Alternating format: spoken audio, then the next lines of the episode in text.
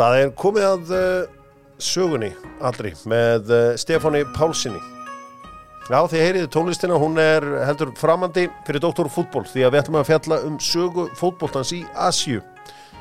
Nú fer fram uh, Asju-keppnin í fótbólta og heiminum virðist vera slétt sama. Um, keppni sem fer fram í lang fjölmunustu heimsálfunni og lang stærstu heimsálfunni.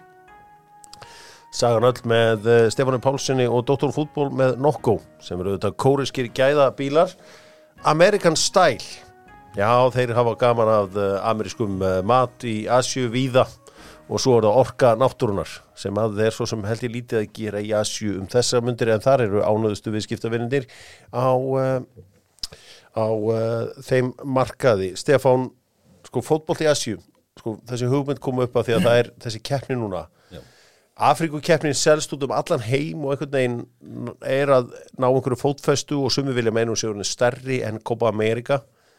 En þessi Asjukeppni í lang fjölmennustu álfunni þar sem eiginlega bara allir jarðabúur eiginlega búa í, í hérna Asju að það tekst ekki að búa til svona einhvern veginn mót sem að fólk verist að áhuga á þar. Nei og er þó merkilegt ef maður uh, hugsaður um það að, og er nú eiginlega bara svona svona fun fact uh, Asjúkeppnin er eldri heldur en bæði Afrikukeppnin og Europamótið og hérna uh, er sem sagt, uh, sko, Suður Ameríku dæmið er, er náttúrulega bara eitthvað alveg spes, þú veist, þeir, þeir, þeir byrja bara í byrjun 20. aldar og, og, og, og hafa leikið síðan. Mm.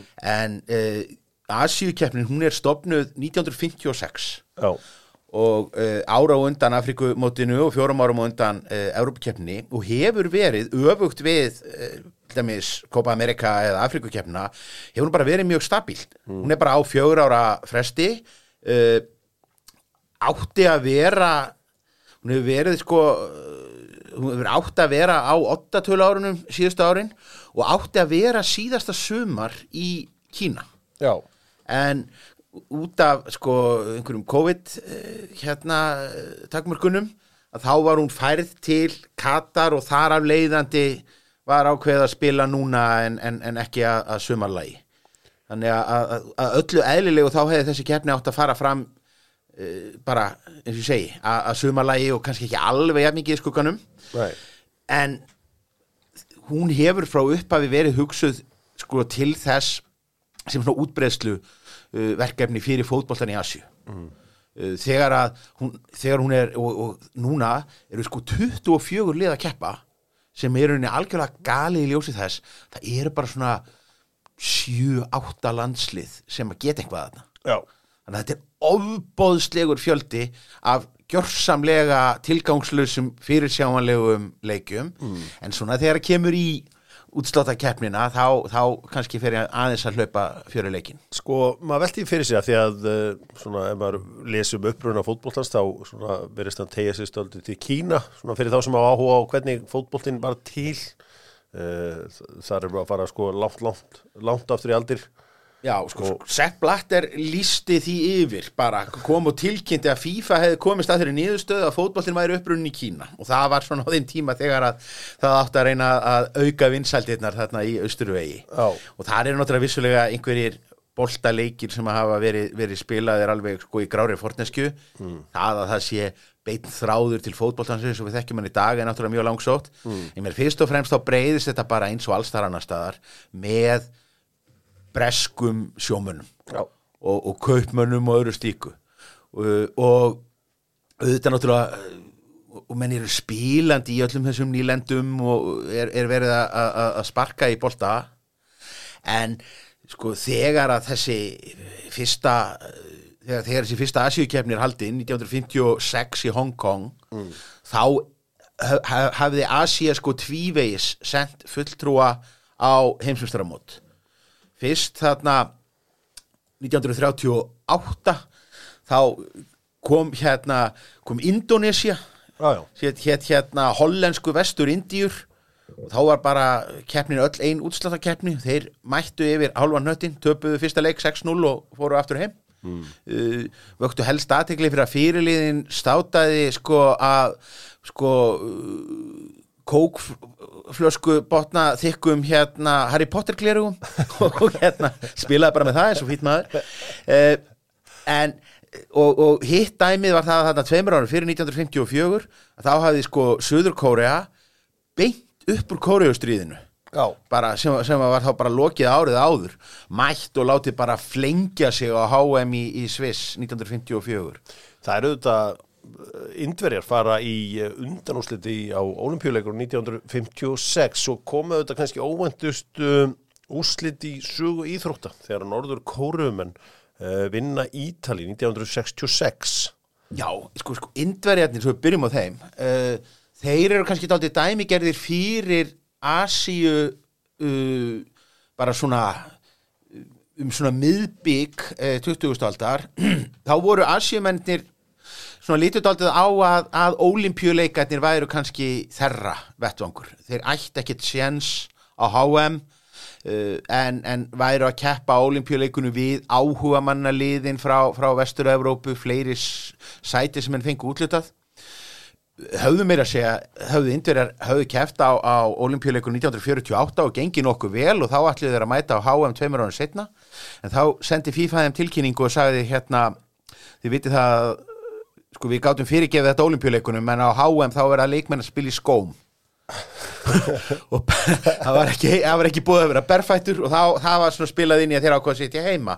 En já, eins, eins, eins og segir að, að þarna byrjar er eh, knaspindu sambandið knaspindu samband Asíu er komið til sögunar þarna á sjötta áratugnum og þeir halda þetta eh, þeir halda þetta mót sem að, að fer þá þannig fram að það eru uh, forkeppnir sem að eru staðbundnar uh, sem sagt, eftir, eftir héröðum Já, uh, eða svæðum.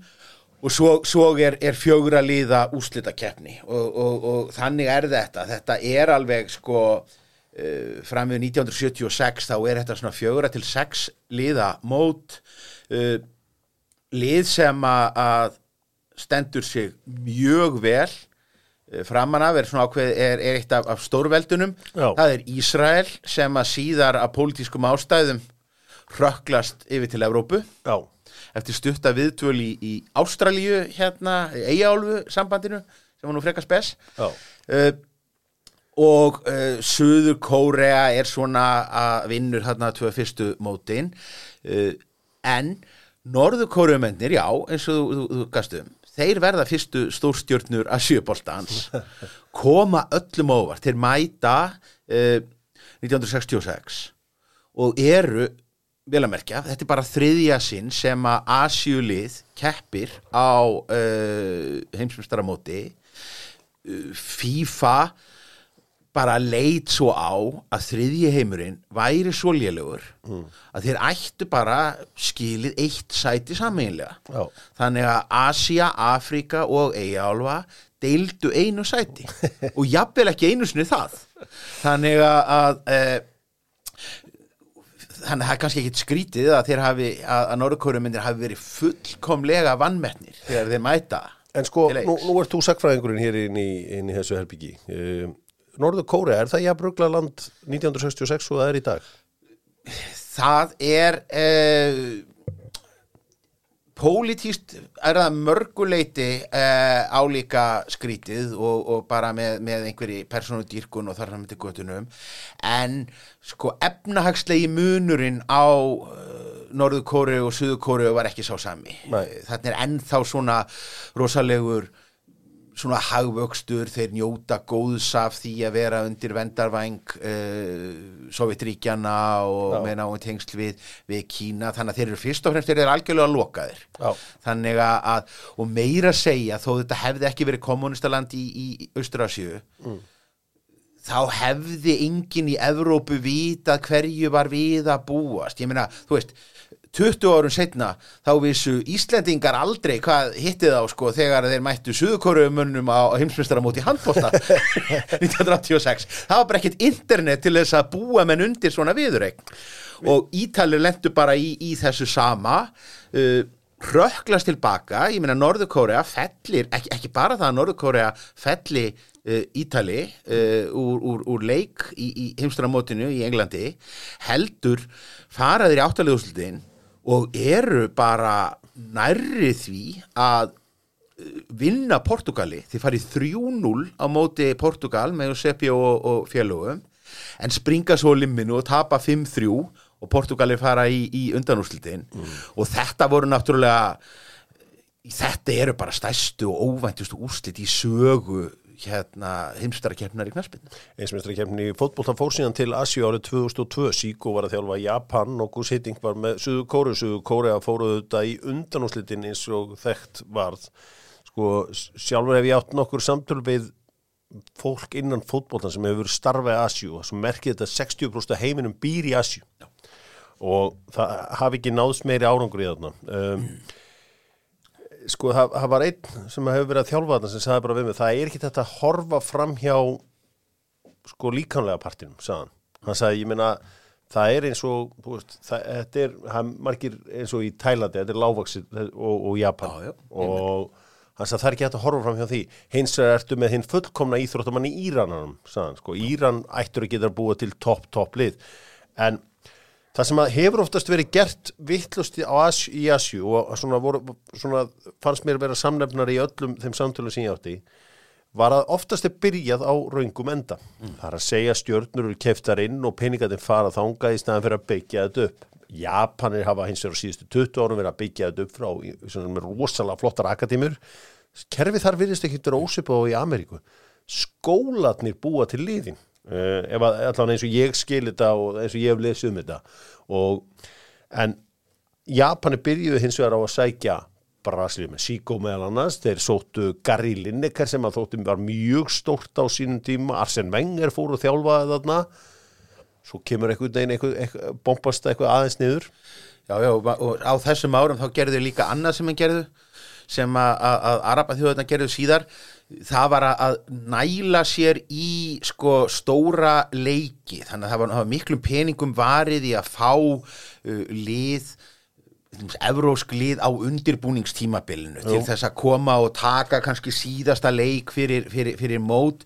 Þetta var svona aðeins verið minnað um þetta í setni tíðum að mann eftir því þegar að ég minna Manchester United var alltaf að spila í Vietnam eða Malasíu sko, kortir í mót. Manchester United er bara stærsta stofnurinn innan Thailand sko. Þa, það halda bara allir í Thailandi með Manchester United. Á tímabili var, á tímabili var að þannig að þegar að, þegar að sko áðurhættur hann var búið að búið til þessi heimsmyndstarkefni félagsliða og það var alltaf bara eitt leikur mm. uh, milli Evrópumestarana og Söður-Amerikumestarana sem var mót sem að byrjaði þannig að það var heima og heiman uh, viður eign mm. svo þegar það var búið að breyta sig yfir í eitt leik þá fór hann mjög lengi fram í Japan alltaf þá var. Japan eða jafnvel Kórea og, og uh, sem var svona pingu skrítið konsept að allt í hennu var bara Európumestarinn og Suður-Amerikumestarinn að leika um miðjanótt í desember einhvern úrslutaleik í, í snjókomu í, í, í Tokjó sko Sko, ég, í mínu samtölu við þessa hérna, sérfræðinga um asíska fótbolta á Íslandi, þá töluður allir um sko,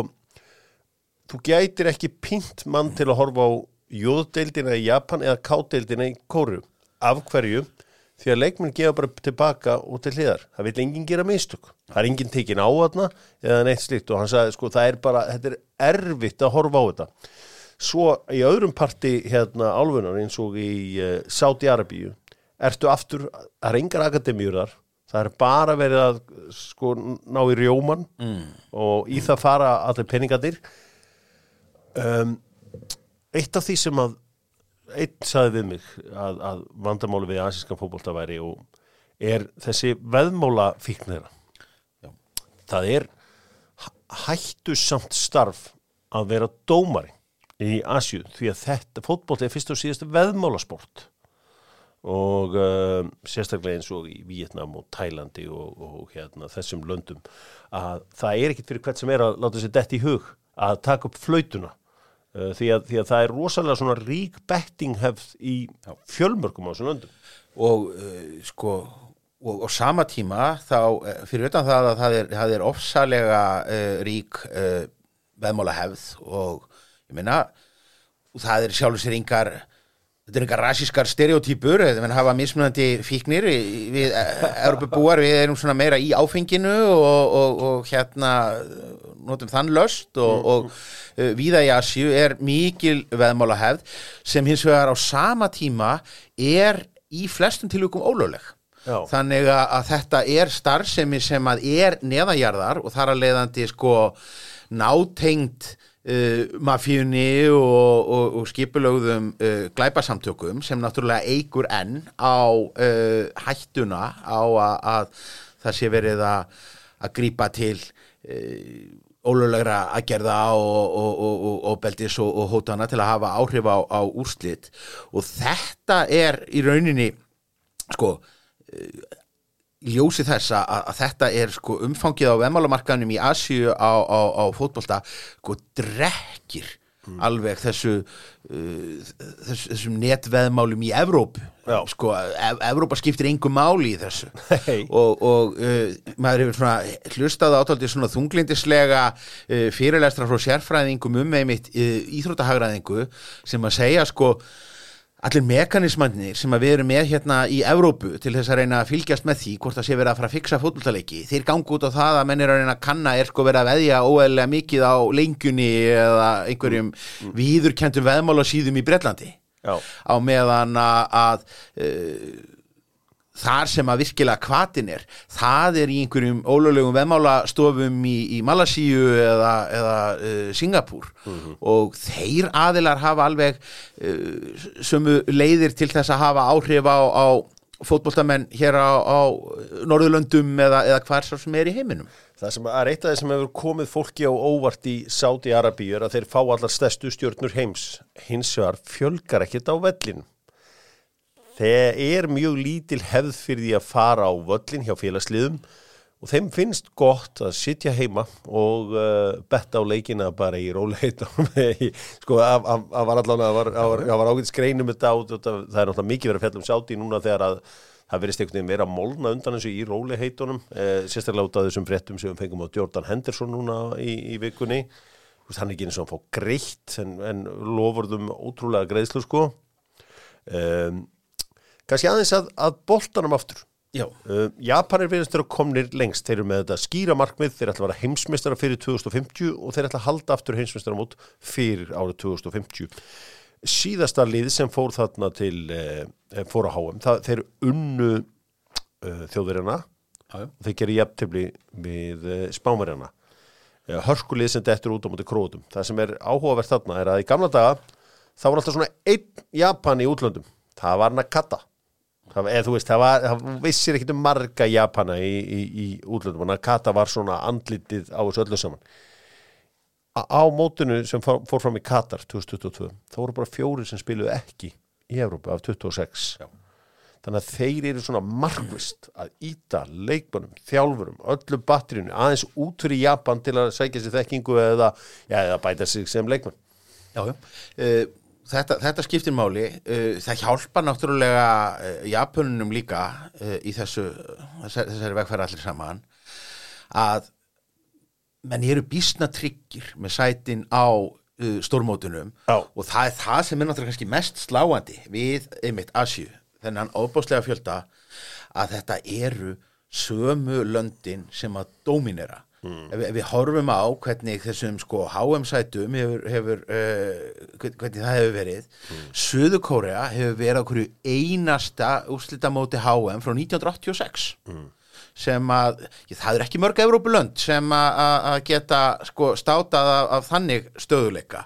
Japanir hafa verið hverju einasta frá 1998 Ástralir, eftir að þeir ákváðu að færa sig úr eigálfi yfir í Asju Já.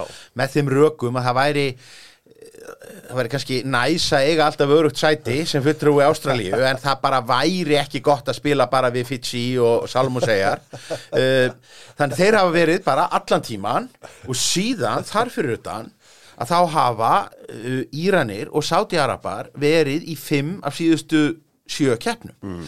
Það heyri til hreitna undantekninga öll hinn löndin svona, þetta inn í eitt og eitt skipti þannig að, þetta eru fá sterk lönd með mjög ríka hefð. Hvort að Katar hafi tekist að sprengja sig inn í þennan hóp mögulega, þú veist uh, það án samt al algjörlega eftir að, að uh, koma í, í, uh, í ljós uh, og sko afstafa en, en það er talsverður munur á þessum, þessum löndum. Sko eitt vandamálið varðandi uh, Söður Kóreu og Japan svo, við- svo við tölum við þau sem er náttúrulega langsamlega ríkustu samfélögin. Og eiginlega bestu, eða svona margar nátt bestu liðin já, bestu liðin eins og við, við töluðum um að áðan búin að vera þarna, þarna oftast. Ég meina Söður Kórea fer á heimavelli alla leið í undanúrslit. Þurfti nú ævintýralega dómgæslu í, í, í, í alla okkur tveimur leikjum til þess að- að að koma þeim þangað þegar þeir taka út hvað Ítalinu og Spámverjana uh, jú, jú, þannig að semst þetta, hérna, Kóru 2002 já, já, Já, það var hérna einhver sígur allan á móti Portugal í riðlakeppninni, þeir unnu, já, Ítalíu og Spán, Já. 16 áttalega, þessi Já. frægu leikir, já. og hvort tvekja við svona uh, já, það var engin, það var engin videodómgæsla og, og svona uh, kunstugi rángstöðudómar og, Já, já. og rauðspjöld, en, en gott og vel uh, þetta eru náttúrulega, eins og ég segi, þetta eru, þetta eru ríkustu samfélögin, en uh, þau eru uh, sko, bara demografían er ekkit endilega hendug. Þetta er uh, þetta eru, þeim, þeim fyrir fækkandi það er ekki mikið af, af börnum þarna. Uh, það er líka óðbóðslega áhersla á það að- menni bara að, vinna, fara í skóla og, og, og hérna uh, pluma sig þar á, á, á vinnumarkað nú, þetta geta verið að eða tímanum í að sparka bolta í, í, í vegg eða, eða hérna halda á lofti. Og fótbolti er ekki stærsta greinin í þessum löndum Nei. því að ekki bara stærsta heldur langstærsta íþróttagreinin í, í Japan og, og Suður Kóru þegar kemur að, peningum það er hafnaboltin það er nefnilega svo, svo kunstug þetta, þetta fingrafar bandarísku heimsvældastefnunar Já. eftir, eftir, her, eftir með hernáminu eftir, eftir eh, setna stríð og kóreustríðinu að þá erum við með, með þessi lönd, við erum með Tævan þar sem að, að hafnabolti er bara eh, móður allra íþrótta og, og uh, langríkustu íþróttamenn uh, þessara landa. Það eru hafnaboltamenn bæði í deildinni heima fyrir eða, eða í, í bandaríkjunum Kanski verið þá sem hafa áhuga á, á, á þessum hafnabólta í Japan, þá mæli ég með myndinni Mr. Baseball sem er rúmlega 30, eh, 30 ára gömul mynd með Tom Selleck sem fjallar um bandaríkjaman sem er að spila í Japan, svona mikil stereotyp og kannski mókast einhver yfir en, en, en, það, er, það, er, það er mjög áhugaverð mynd og bara Já. fín held ég heimildum uh, bandaríkjaman að fara til uh, Japan að spila hafnabólta. Sko Japan er konni lengst. Kína ertu með sko ég ætla nú kannski ekki að kalla hann doktorfútból þeirra kínverja en þú ert með Xi Jinping sem er, hvað, hann er forseti Kína Já, bara einhver valdamesti. Næstu valdamesti maður heims sko ha. hann er fótbolta óður Hann er fótbolta óður og ef við hefum verið hérna fyrir sko, ef við hefum verið hérna fyrir tíu árum síðan með, með þennan, þennan þátt þá værum við sko uh, sannfærður um það að Kína væri bara næsti stóri hluturinn í, í, í, í, Já. uh, það var náttúrulega þessi metnaðarfulla en mjög skamlífa tilraun til þess að stopna þessa kínversku úrvalsteild og slást um leikmenn við európsku félögin. Og þetta er bara örfá ár síðan og, kannski dóendanlega með COVID-inu. Svona eh, ég meina menn voru bara að hafa áhyggjur af, af hérna, því hvað væri að leka af, af alvöru leikmönnum til Kína. Já, ég meina, sko, við Íslandika tengdumstu þessu verkefni ágætlega. Það er að segja í þessum kalla uh, bolta, það er að segja uh, Eistinn Hauksson fór að nút og villi vill í kringum aldamótin. Þá var kínverska deildin ekki eitt eða neitt en svo þegar það er konum peningarnir, þá bara Eðursmári Viðarörn, uh, Sölvi Óttisen farað nút í, í seðlana í uh, Kína. Eins og segir, það er líka gerist þarna það er eitt fyrirtæki sem er mjög öflugt í, í fótboltan sem heitir Evergrande. Já. þeir áttu stærsta liðið og þeir ákvaðu líka eiga yndir til þess að hafa tenginguna þarna einhvern veginn út. Þeir fara, það verður einhver hrun á fastegnamarkaði í Kína sem veldur því að eiginlega með þeim fer svolítið kýmverski boltinn og uh, kýmverska deytin það, það er líka það sem, já, það sem gerist er það að, að á meðan að uh, á meðan að sko sátarnir í einhverju svona sportwashing verkefni eru bara til að henda endalusum peningum þá voru nú sko kýmverjarnir þó svo að fórsetin væri fótbolta óður þá kunnu þeir líka á Excel og það voru bara gerðar kröfur um það að þetta ætti að, að geta á einhvern nátt uh, borið sig. Félögin voru í eigu stórfyrirtækja. Þannig að, að þetta var ekki bara einhver ríkisjóður að- pumpa inn í einhverja deild heldur uh, þýtti það bara. Þegar harnað á dalnum hjá þessum rísafyrirtækjum þá dróðu þau þarna saman seglin.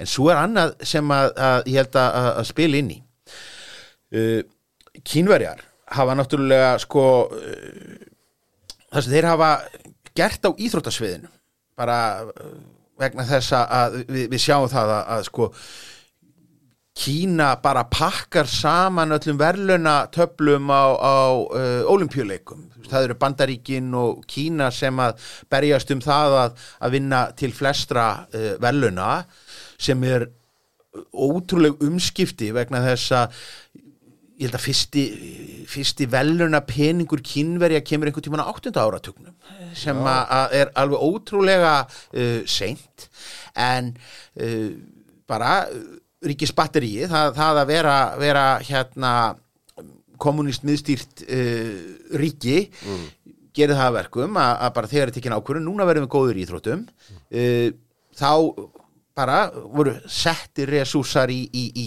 í það og, og svo var bara skoðað hvað er auðvelt. Það er auðvelt að verða góður í bókfimi. Þá, þá förum við þangað og, og, og svo förum við þessa grein og, og þessa grein og þar fram eftir, göttunum uh, og það má rauninni segja að til almennt sé til þess að, að, vinna gullvelun á olimpíuleikum þá bara nóg að henda nógu miklum peningum í þjálfara og, og akademíur og þar fram eftir göttunum en svo, og svo heldum menn að það verði hægt að gera það saman með fótboltan en þú getur ekki nota sömu uppskriftina uppskriftin sem þú notar ef þú ætlar að fá besta skilmingamann í, í, í heimi er að þú tekur nógu mikið af börnum, tekur 2000 börn sem eru 8 ára gömul og, og líta út til að hafa eiginlega til að vera góð í skilmingum og svo lætur þau bara æfa og æfa og æfa og svo bara vinsar þau alltaf nýður þar til að þú ert komin fyrst neð 500 og svo 200 og svo endar það á að þú ert með 10 sem getur orðið stórkostlega skilmingamenn Já, já. þetta er ekki hægt með fótbolta Nei. þú getur ekki bara byrja með einhvern, einhvern eh, afmarkaðan elituhóp og, og, og vinsa það nýður þú verður að vera með tug þúsundir eða hundruð þúsunda krakka sparkandi út um alla trissur og svo fljóta upp. Þeir, þeir, þeir bestu.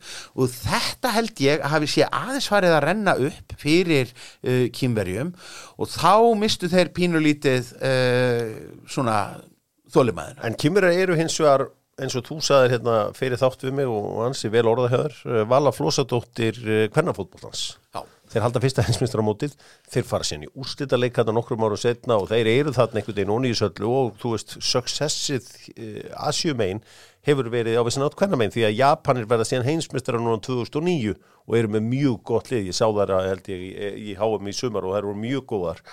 Þannig að, þannig að það er svona það er lengra komið þar. Það er lengra, það er lengra komið þar en, en, en þar ertu líka bara með uh, þú ert myndið aldrei aðra skeppnu þar. Ég meina á, á meðan við, við sjáum það til dæmis uh, á meðan að, uh, ef við bara horfum til, Bretlands þar er fótboltin er alltíðu sport, hann er, hann er verkalýstjættin uh, kalla megin hvenna megin er þetta millstættasport uh, þannig að þú ert bara að þú, þú, þú, slástu alltaf hann massa.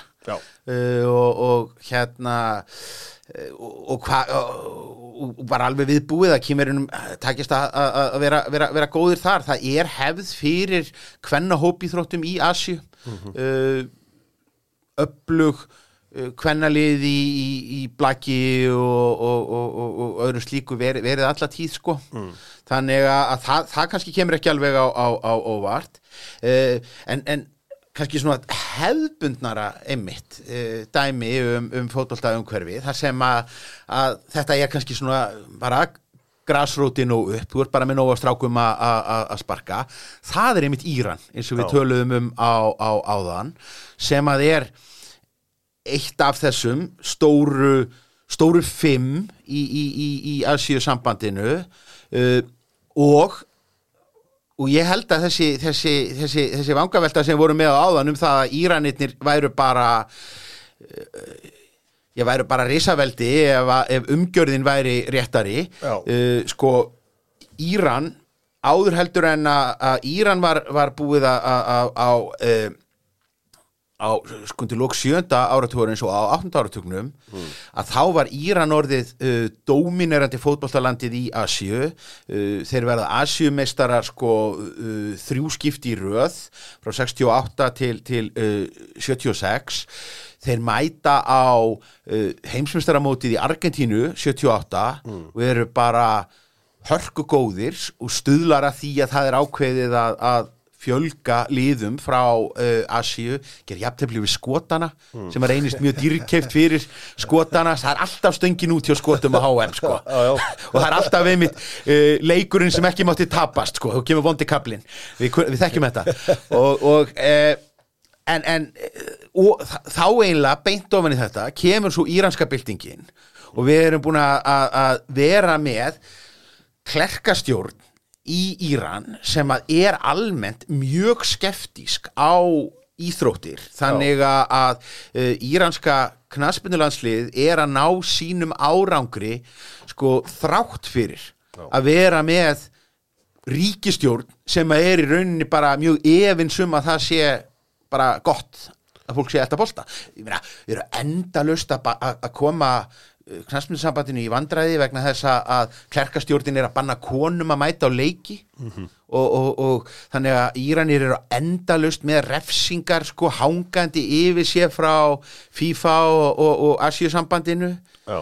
vegna þess að konum með ekki spila, konum með ekki, vera meðal áhörvenda og, þar fram eftir göttunum og það er búið að vera svona viðbóta tvist í þessu eins og við sáum á, á HM núna í, í, í, í Katar þar sem að bara leikmenn íranska landslýsins voru bara að stíga bara mjög hugdjörf skref í Já. því að vera að senda uh, hérna, taka þátt í svona bara pólitísku mótmælum gegn klerkastjórninni uh, á, á, uh, í viðtölum og, og, og með, með svona táknum og, og öðru slíku Það er auðvitað, já, það var, það var svona samlefnari hjá þeim sem ég talaði við að Íranir væru í, á, svona á markanhátt uh, bestir af uh, Asju þjóðunum þeir ættu, gætu búið til frábæra einstaklinga, annar land sem kom þarna upp hjá mönnum voru sírlendingar því að það er uh, mikil hefð fyrir fótbolta í Sýrlandi en þetta eru þjóðir sem að fá sjálfnast að vera í friði, það eru auðvitað svona pólitíkin og þetta eru bara stríð, mörg stríðshrjáð löndarna gríðarlega stríðsrjáð og, og stundum samt verða þetta nú sko öskupu sko ævintýri eins og þegar að, að sko því að Írak stríðið uh, var uh, 2003 uh, og þá vakti það náttúrulega alveg gríðarlega aðtiklega bara fjórum árum setna 2007 þá verður Írak uh, Asíumeistari í fyrst og eina skipti Já. fara svo í undanúrslit á ólimpjuleikum í, í fótbolta sem var líka mikið öskupu sko ævintýri og ég man eftir því að, að hérna uh, Simon Cooper og félagi hans í í þeirri skemmtilegu bók Socceronomics Já. sem að var að koma út hérna í byrjun aldarinnar uh, þeir settu fram djarfan spátum sem að- gekk út á það að, sko Írak væri bara að fara að verða næsta stórveldi í, í, í, í heimsfótboltanum eða svona eitt af stóru liðunum. Svona spátumur sem endist nú kannski ekki vel en, en ég minna uh, kannski helga ekki auðvelt að draga eh, þjálfara til þess að- vinna í þessu umhverfi. En þó, ég meina að því þú nefnir Sýrland, ég meina Sýrlendingarnir eru með hérna Hector Cooper uh, gamla Valencia og Inter og, og, og ég veit ekki hvað og hvað þjálfað sko og, og það, er- það er eitt sem er aldrei gaman við það þegar maður er að skoða þetta Asiumót að renna yfir þjálfaralistana. Já, þá erum en enn í þessu gamla trikki Afrikubúana að- eh, fara á Balkanskagan já Sredko Katanic er einmitt með Úsbyggistan það er alveg, alveg síkild uh, Vietnam, þar dúkar upp sko Já, já, sem er búin að þjálfa alla í, í, í Asíu og, og, og, og Afríku. Svo eru náttúrulega sko uh, já já og, og hérna gamli hérna uh, ykkur stímak. Já, já, hann, er- hann er með já, og hérna Jörgen Klinsmann er með Suðu Kóru Já, og svo náttúrulega verður Sátti Arabi að fara í, í, í efstu hillu og það er bara mann síni. Þannig að þetta er, þetta er, þetta er daldið skemmtilegt Já, mjög skemmtilegt. Það sem er, er áhugavert við líka við að þetta er auðvitað einhvern veginn djúft í kultúrnum að, að sko Eh, það, það er oft meira vægi einstaklingsýþróttir heldur en hópýþróttir það var svona annarsamlefnari sem maður heyrði hjá, hjá mönnum að ég meina íþróttir sem maður kannski ekki vinsar að gera eins og taekwondo, karate allan að einstaklingsýður bortennis og badminton og svona það væri svona eins og það væri svona herra undir höfði. Það er eins og það er eitt í þessu. Þegar ég fó, var aðeins í Breitlandi fyrir 24 ára síðan þá var mikið átak að 10%, tæplega 10% af íbúum í Breitlandi er frá Asju, þar segja þessum stóra luta heimsins. Það gengur ekkert, ekkert að koma þessum stóra hópi inn í fótbolta, ekki neitt. Nei. Uh, það, meðan að uh, hefur tekist að fá fólk frá uh, Karabíhafinu og Afríku mikið inn í knaspinuna. Mjög öðvelt Já um, Til dæmis í Lúton, ég held að sé tæpt 30% eða eitthvað sem eru hérna asískir í sest, á uppruna? Ég bara fann það á eigin skinni þegar að ég mætti fyrsta sinna á Kenilworth Road og þá var nú interneti kannski ekki komið alveg að blanti að- uppræða mig og ég mætti bara sko glaðbeittur á staðinn og hugsaði, heyrðu, ég var nú völlin það lítur bara að vera pub þarna beint á móti eða einhver staðar í, í grendinni, þannig ég fór og tryði mér miðan og svo fór ég að vafra um og ég gekk ég hnýtaði sífælt stærri ringi Já. og það var ekki deigan dropa að finna í þessu hverfi en það voru þar allir íbúatnir ættaði frá uh, Pakistan eða, eða uh, Bangladesh og áhörundin voru allir bara hvítir. Uh, komnir lengra að og, og, og, og drukku bara í bæ og, og löpuðu síðan á uh, völlin sem að maður, maður lærði síðar. Og þá og síðar hafa verið öll þessi átök uh, að, að einmitt bjóða nágrönnunum reyna, reyna virkja suðurasíska uh, samfélagið og, og áhörfundunum hefur kannski pingulítið fjölgað engir yðkendur skilað sér uh, þarna inn.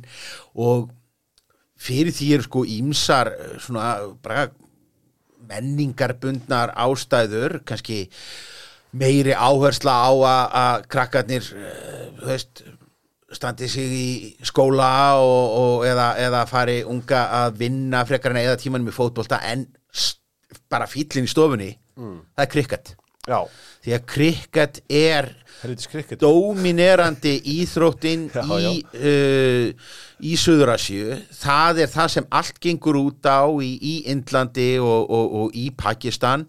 Jújú, jú, það var alveg stopnuð þessi indverska superdeild í, í fótboltanum eh, náði nú kannski ekki miklu flugi. Eðursmáður náði aldrei að spila leik. Hann, Nei, hann, ætla, hann fór hann eitthvað samdi eitthvað, ég man ekki hvernig það var nákvæmlega. Já, samti en svo, svo hérna meitist hann áður heldur en til þess kom eða all, allavega hans, hann, hann á ekki leik á Indlandi.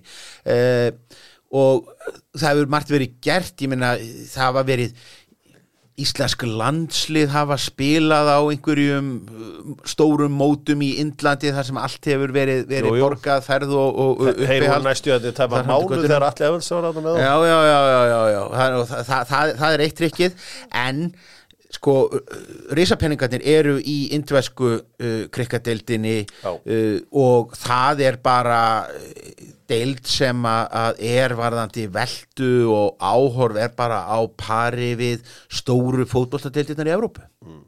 Þannig að það er kannski, kannski ekki, ekki, ekki svo skrítið og, og, en það verður samt að segjast að fyrir eh, sko, þjóð með miljard íbúa þá er það nánast ævintýralegt hvað indverjum tekst að vera lélegir í fótbolta. En það er hins vegar þannig að miða við allavega sem að ég var að lesa þetta er næst vinsalast íþróttin í Indlandi fótbolti? Ég, ég svo sem, svo sem, se- þetta eru bara ég hef náttúrulega aldrei komið að hana ég, ég hérna, Já, já, er bara að lesa þetta. og, og öll, þessi, tölfræði sko, ég, ég er tengd að svona norðfjörðar og allir, allir fyrir austan geta sko setta á langa ræðu um það að Black sé rauninni vinsalasta íþrótt í heimi og séu með rannsók til að sanna það. En, en hérna e, það, er, það er rétt og, og bara en, en sko einhvern veginn e, bara upplifun og, og bara þáttaka eh, manna í, í, í fótboltanum er bara mismunandi frá, frá uh, landi til lands. Ég meina það er þriðjungurinn af áhorfinu á ennsku úrvalstildin í fótbolta er í Asju og það er þrátt fyrir að tímamismunurinn sé væga sagt ekki hagstæður. Flestir leikir uh, á Englandi uh, fara fram bara um hánótt í, í, í Asíu. Uh, og Asíubónir eru vissulega margir en þetta eru svimandi áhorstölur Já. uh, sko Asíu uh, þeir hafa klárlega og þeir, þegar, þegar sko þeir, þeir ranka hérna uh, íþróttakappleiki þá ber uh, heimsmestarakeppnin í knaspinu sko höfuð og herðar yfir, yfir uh, aðra viðburði sko. þannig að, ef mann er eitthvað hissa á því að að Messi sé valinn hérna eh, bestur í, í, í- heimi og, og, og, og, og enginn geti unnið hann í kostingu þá má ekki gleyma því að það er fjöldin allur af asískum landslýsfyrirliðum og, þjálfurum sem hefur þarna atkvæðir sett sem segir einfallega, já hann er heimsumstari þá er hann bestur. Það er bara þannig. Tekur þetta ekki á einhverju uppsöfnuð og einhverju úrvalstild og einhverju, einhverju slíka, það er bara, ertu, ertu heimsumstari? Já Þetta með Norei, varstu á HM? Nei, það er bara ekki Þa, þannig. það er nefnilega svo áhugavert líka að uh, sátarnir voru að vonast til að fá þessa peninga frá Kína eða Japan og þessum öðrum löndum. Og alveg svo jódeildin í Japan að vonast til líka að fá mikið greitt fyrir deildirnar sínar innan annara Asju þjóða en það hefur bara alls ekki hérna uh, reynstöramálið þeir eru bara svolítið eins og ef við ekki segja bara eins og Íslendingar. Það er þessi ótrúlegi áhuga á ennska boltanum og svo fylgjast þeir með deildinni heima á sér. En fyrir kórum hann að fylgjast með jóðdeildinni hann er engan áhuga á því. Ég allan að svona meða við allan hvað er frá greitt frá, frá Svo hafa minn skoðun á Barcelona og Real Madrid. Já, Þannig að það, er svona, það, það hefur náða að brjótast uh, inn, inn, inn á þetta. Já, já, en, en svo, svo má það líka segja. Uh, Hversu spennandi var það í rauninni eins og, eins og í, í jódeildinni að fá uh, fá brasilíska útbrunna leikmenn. Meina, hver hafði í rauninni áhuga á að horfa á Sigo árið 1989 Eh, 1982 er allt annað dæmi. Eh, þannig að, eh, og það var í rauninni þannig að það var náttúrulega bara litið á að þetta væri svona þetta er svona viðbóta lífið spartnaðurinn fyrir, fyrir góða knarspyndumenn það fengu svona uh, smá seðil fyrir það að, að taka allra síðustu andadrættina á fótboltavellinum. Uh, og þetta voru með færtin að gera mjög snemma við uh, við persaflóan. Uh, þannig að, sko löngu áður heldur en að sátarnir fóru á þetta eðslu fyllir í sitt núna uh, þá voru dæmi um leikmenn sem að, að uh, enduðu sinn feril uh, í hinum uh, hérna fyrsta löndunum. Eitt fyndnasta dæmið um það er Michel Platini sem að leik sinn síðasta leik sem landsleik fyrir Kúvætt að hann, já, hann var sér út um Kúvæst ríkisfang og fekk góðan pening fyrir að leika einhverjar 20 mínútur með landsliði Kúveit á móti uh, Sovjetríkjunum sem er svona eitt, eitt, er eitt uppáhald svona svona pub quiz curiosity þetta er mitt sko, hver er frægasti landslismadur uh, Kúveit? Já, það er Platini. Uh, og, og uh, á undan þessu þá, þá má til dæmis uh, er, er þátti skemmtir þetta að hugsa til þess að hérna Don Revy uh, sem að að gamli lítstjálfarin og landslistjálfari englendinga uh, sem að, að uh, menn náttúrulega menn sem hafa náttúrulega séð hérna episku myndum um, um það þegar Brian Clough tók við eh, hérna jú. af, af Revi uh, uh, Don Revi var sem sagt landslýstjálfari englendinga 74 til 78 mistókst að koma þeim á heimsumstaramóti í Argentínu en hann var ekki reikið þá. Hann hætti til þess að færa sig til saminuðu Arabafyrstadæmana og enska knaspinu sambandið brást þannig við að þeir sett hann í keppnisbann ætluðu eða ætluðu að úrskurða hann í keppnisbann fyrir að, að hérna svona lítilsvirða íþróttina með þessu. Og hann þurfti bara að draga þá fyrir sko almenna dómstóla í, í, í Bretlandi sem hann, hann endaði síðan á að, að uh, vinna. Og hann endaði sinn feril sem þjálfari þarna í, í uh, miðausturlöndum. Uh, og þannig að þetta hafði, hafði uh, gerst svona, hafa voru ímis dæmi um þetta. En smunurinn á uh, já, sérstaklega sko saminuðu Arabafestadæminum uh, og, og svona í Katar í einhver, einhverju mæli líka og, og, og Óman og þetta er það að það eru samt miklu vestrætni samfélög eða í það minsta samfélög sem að hafa verið svona til í að setja svona fingurinn fyrir augað þegar að kemur að vesturlandabúum sem eru búsettir þar. Þetta er mjög svona tvöfaldur mórall varðandi klæðaburð, áfengisneislu og annað slíkt. Sátarnir hafa ekki gert það og nú er kannski daldið að koma í ljós hversu físilegt það er í rauninni fyrir þessa uh, fótboltamenn sem eru náttúrulega bara vanir að hegða sér eins og popstjörnur, vera á fínum klúpum og deyta supermodell mæta til Sáti Arabíu og, og hérna þykja ofurlaunin en svo kemur ljóð smáaletrið um það hvernig þú átt að hegða þér og, og inn í hvað bóks þú átt að passa. Já, þetta er nefnilega merkið og sko að því var að tala um þessar leikmenn sem hafa spilað sem er frá Asju í uh, Breitlandi þá er alltaf sko aðal hitin oftast hérna Michael Chopra Já. sem er ég held að framherri sem að flestir sem eru að hlusta eru búin að gleyma ákvörð núna Hamza Chowdhury sem var hérna í Lester miðjumöður um, hann er uh, held ég held ég frá Bangladesh um, þannig að þetta eru mjög fáir leikmenn sem að uh, hafa meikaða hins vegar að því að Grindavík hefur nú verið mikið í umræðinni þá uh, Rey Jónsson Rey Antoni Jónsson hann uh, spilaði fyrir 21. landslið Íslands en átti síðan eftir að spila fyrir Filipsjar í, með alansliði Filipsjar og held ég að hafi spilað í þessari Asjúkefni á sínum tíma fyrir Filipsjar þannig að já, við Íslandikar höfum búið til leikmann þarna fyrir já, allan að Grindavík bjóð til þennan öfluga bakvörð uh, á uh, sínum tíma strákur sem er fættur 79 eigum, eigum ekki fulltrúan núna sem er nú samt sko þannig að Fílip segjum tekst ekki að vera meðal 24 Asíu liða sem eru nú að teljast frekar svona rýr uppskera eða 23 því að maður veit ekki alveg hvernig maður ætlar að flokka Ástralina Nei. þeir eru náttúrulega með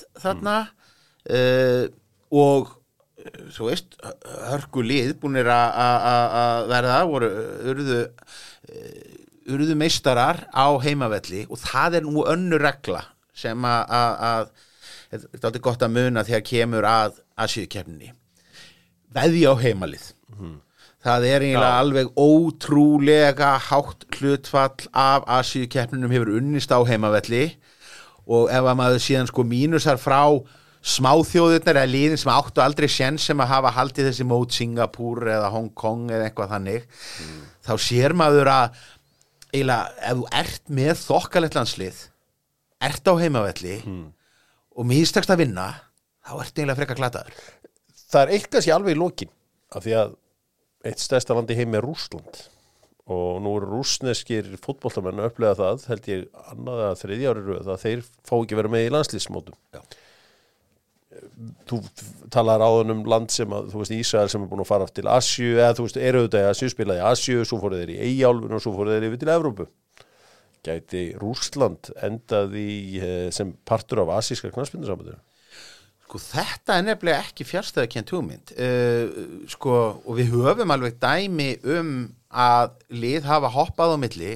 Uh, Kazakstan uh, byrjaði í Asíu og fór yfir. Uh, Úsbekar sem uh, hafa verið svona svoandi rísitt aldrei þarna fyrir austan Já. að því að þeir eru mörgliti mjög rústnest uh, samfélag eru svona- hafa kannski evrópskari uh, einkenni en, en hafa verið að spila Asjumegin og þetta er náttúrulega orðið sko eh, það er ekkert sem segir að þetta þetta Úkrænu mál fari að klárast neitt í, í, í bráð og lausna miðaður fórustumæður for, fórustumenn í FIFA Já. þeir hljóta alveg að íhuga þennan möguleika að skipa rússunum bara þarna yfir, láta kannski flakka eitt sæti með Já. og ég meina rússatir eru hvort það er ekki eins og þeir séu að leika mikið af, af vinnáttuleikjum við Evrópu þjóðurnar Vill ekki, ekki